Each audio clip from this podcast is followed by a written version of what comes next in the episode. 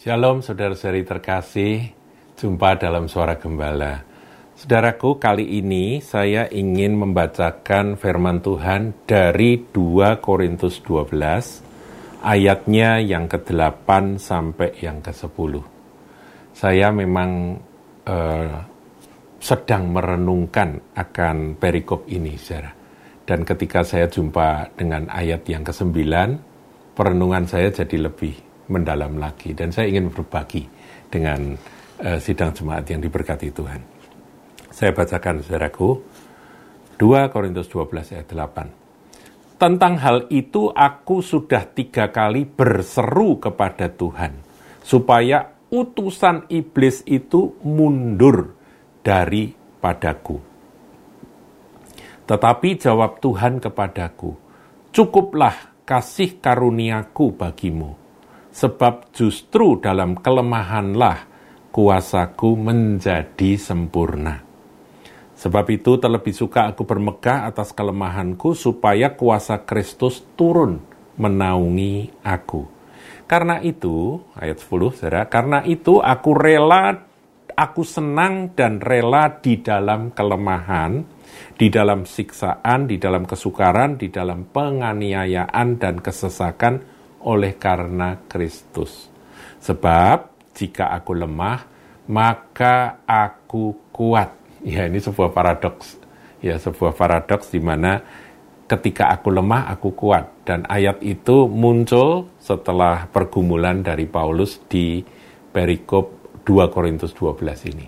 Kalau saudara baca konteksnya, Paulus mendapat penglihatan, penyataan yang luar biasa, ya dia dia sampai nggak berani sebut ya bahwa yang yang diangkat ke surga itu siapa. Nanti saudara baca sendiri ya. Tapi dia berkata bahwa supaya aku tidak meninggikan diri dengan penyataan-penyataan yang luar biasa itu Tuhan memberikan kepadaku duri dalam daging, yaitu utusan iblis yang menggocoh aku. Nah, Paulus nggak suka dengan duri dalam daging itu dan Paulus berusaha untuk berdoa minta supaya Tuhan melepaskan dia mencabut duri dalam daging itu. Atau di dalam ayat 8 tadi, supaya utusan iblis itu mundur daripadaku. Nah, saudara, ayat yang ke-9 ini yang menjadi perenungan saya. Tetapi jawab Tuhan kepadaku, cukuplah kasih karuniaku bagimu.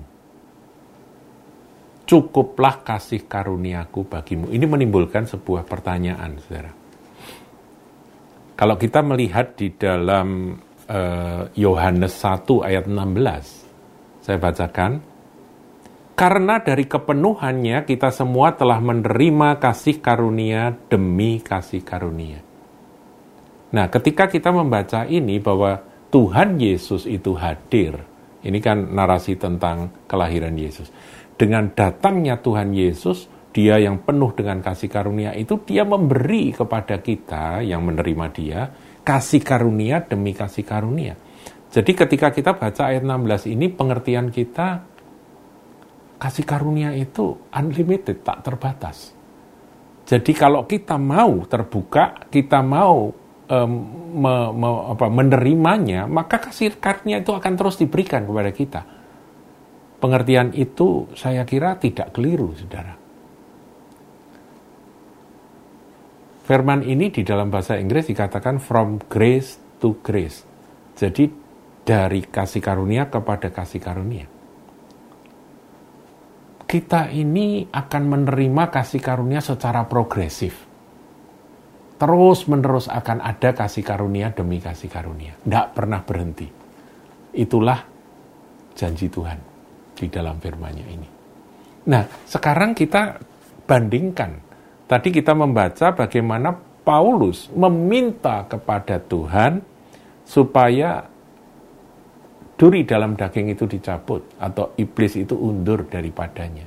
Tetapi justru Tuhan menjawab dengan cukuplah kasih karuniaku bagimu. Nah, saudara, sepertinya bertentangan ya. Tadi Yohanes 1 ayat 16 menjanjikan bahwa kita ini akan menerima kasih demi kasih karunia demi kasih karunia yang terus menerus sepanjang hidup kita sampai kita bertemu dengan Dia. kasih karunia yang progresif. Lah kok di sini Tuhan se sepertinya menghentikan atau menyetop akan kasih karunia itu dengan kata-kata cukuplah kasih karuniaku bagimu. Nah, saya merenung, Saudara.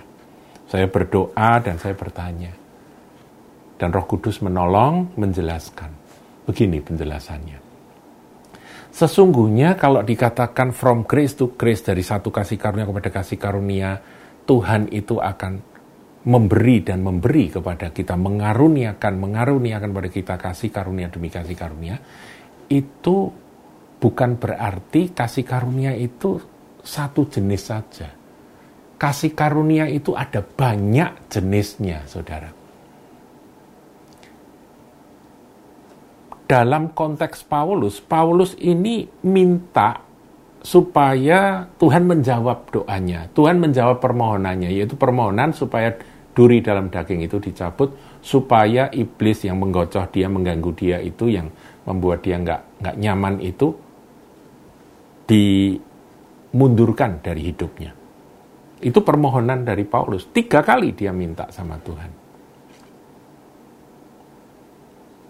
Nah, Tuhan berkata, cukup kasih karuniaku bagimu. Artinya, dalam permohonanmu yang itu, dulu-dulu mungkin iya, aku beri kasih karunia.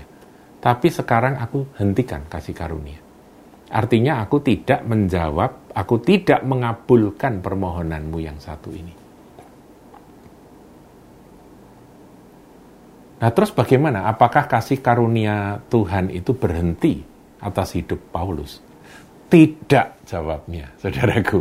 Jadi kasih karunia Tuhan itu tidak berhenti yang dicukupkan oleh Tuhan itu adalah satu jenis kasih karunia. Sementara Tuhan justru menyediakan dan memberikan kasih karunia jenis yang lain yang menurut saya kualitasnya atau atau tingkatnya itu grade-nya itu lebih tinggi daripada yang dia minta. Nanti kita buktikan itu, saudaraku yaitu kasih karunia yang Tuhan siapkan. Dan terus terang, untuk Tuhan bisa memberikan kasih karunia yang satu ini, yang baru ini, kasih karunia yang lain harus dihentikan, harus di stop. Harus dicukupkan. Berhenti dulu yang ini supaya yang ini bisa diberikan. Nah, itu yang dialami oleh Paulus. Dan benar, saudara, Paulus minta Tuhan berkata, cukuplah kasih karuniaku bagimu, sesungguhnya dia sedang menerima kasih karunia yang lain. Jadi kasih karunia Tuhan tidak pernah cukup. Dalam arti kasih karunia yang bermacam-macam itu jenisnya. Paham ya? Tidak pernah berhenti. Kasih karunia itu terus tersedia. Saudaraku, kalau kita merenungkan akan hal ini secara lebih mendalam, maka kita akan bisa memahami bahwa rencana Tuhan itu memang beda dengan rencana kita. Kita ini kadang-kadang terlalu sempit. Kita berpikir bahwa kasih karunia itu ya ini, ini, ini. Padahal ada jenis kasih karunia yang lain yang kita untuk bisa memahaminya, untuk bisa menerimanya, kita harus ya harus ditolak dulu oleh Tuhan ketika kita memohonkan kasih karunia yang ini, ini, ini, yang dahulu-dahulu. Yang baru, yang lama sudah berhenti, nanti jenis yang berikutnya. Nah, buktinya ada di mana? Buktinya di sini, saudaraku. Tuhan menjawab, ya saya ulangi ya ayat 9, tetapi jawab Tuhan kepadaku, cukuplah kasih karuniaku bagimu, sebab justru dalam kelemahanlah kuasaku menjadi sempurna. Nah, kasih karunia kuasa menjadi sempurna itu membutuhkan akan kondisi dari Paulus yang lemah. Paulus pada awalnya menurut saya juga tidak begitu saja bisa menerima. Tapi kemudian karena dia menyerah, dia bisa menerima itu dan dia memahami sampai akhirnya dia menuliskan akan kalimat yang terakhir tadi, sebab jika aku lemah, maka aku kuat tadi. Kemudian dikatakan di ayat 9 eh, berikutnya, sebab itu terlebih suka aku bermegah atas kelemahanku. Ini satu jenis kasih karunia yang tidak mungkin dia bisa terima atau dia bisa nikmati atau dia bisa hidupi kasih karunia itu kalau dia tidak dihentikan oleh Tuhan permohonannya tidak dihentikan oleh Tuhan. Kasih karunia yang dia minta itu tidak di stop sama Tuhan. Ini harus di stop dulu. Karena yang bikin itu justru utusan iblis tadi. Justru duri dalam daging itu tadi Sebab itu terlebih suka aku bermegah atas kelemahanku, supaya kuasa Kristus turun menaungi aku. Nah, kemudian ayat 10, ini luar biasa. Ya, kita baca saudaraku ya. Karena itu, aku senang dan rela. Paulus ini bisa bersuka cita, bisa senang, bisa bergembira, dan dengan rela Atas apa, saudaraku? Satu, di dalam kelemahan. Ketika dia lemah, dia rela. Ya Tuhan, nggak apa-apa aku lemah. Karena justru dalam kelemahan, kekuatanmu bekerja sempurna. Di dalam siksaan, ketika Paulus disiksa, dia bisa senang dan rela. Ini nggak mungkin. Nggak mungkin dia bisa dapatkan akan satu jenis kasih karunia di mana dia bisa senang dan rela dalam kelemahan, dalam siksaan. Selanjutnya dalam kesukaran. Orang dalam kesukaran kok bisa senang dan rela? Nggak mungkin, saudaraku. Tapi itu yang dialami Paulus karena apa? Karena dia menerima akan kasih karunia setelah kasih karunia yang ini dihentikan oleh Tuhan. Jadi ketika Tuhan berkata cukuplah kasih karuniaku bagimu itu itu jenis kasih karunia tertentu saja yang dicukupkan. Sebab Tuhan sedang menyediakan kasih karunia yang ini yang ditulis di ayat 10 ini saudaraku, yaitu Paulus dimampukan untuk senang dan rela dalam kelemahan, dalam siksaan, dalam kesukaran, dalam penganiayaan, dalam kesesakan oleh karena Kristus. Sebab jika aku lemah maka aku kuat.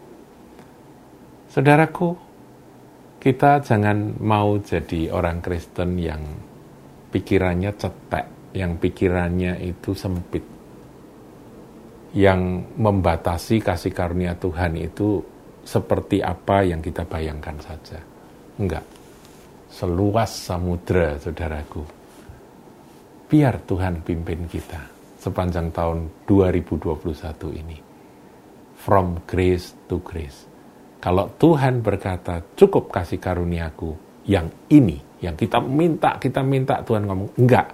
Maka saudara akan dibawa masuk pada kasih karunia yang lebih tinggi tingkatnya. Bagi kemuliaan Tuhan dan tentunya upah menanti orang-orang seperti Rasul Paulus ini. Mahkota yang spesial ada atas orang-orang yang dibawa ke sana. Itu kasih karunia demi kasih karunia. Tuhan Yesus memberkati.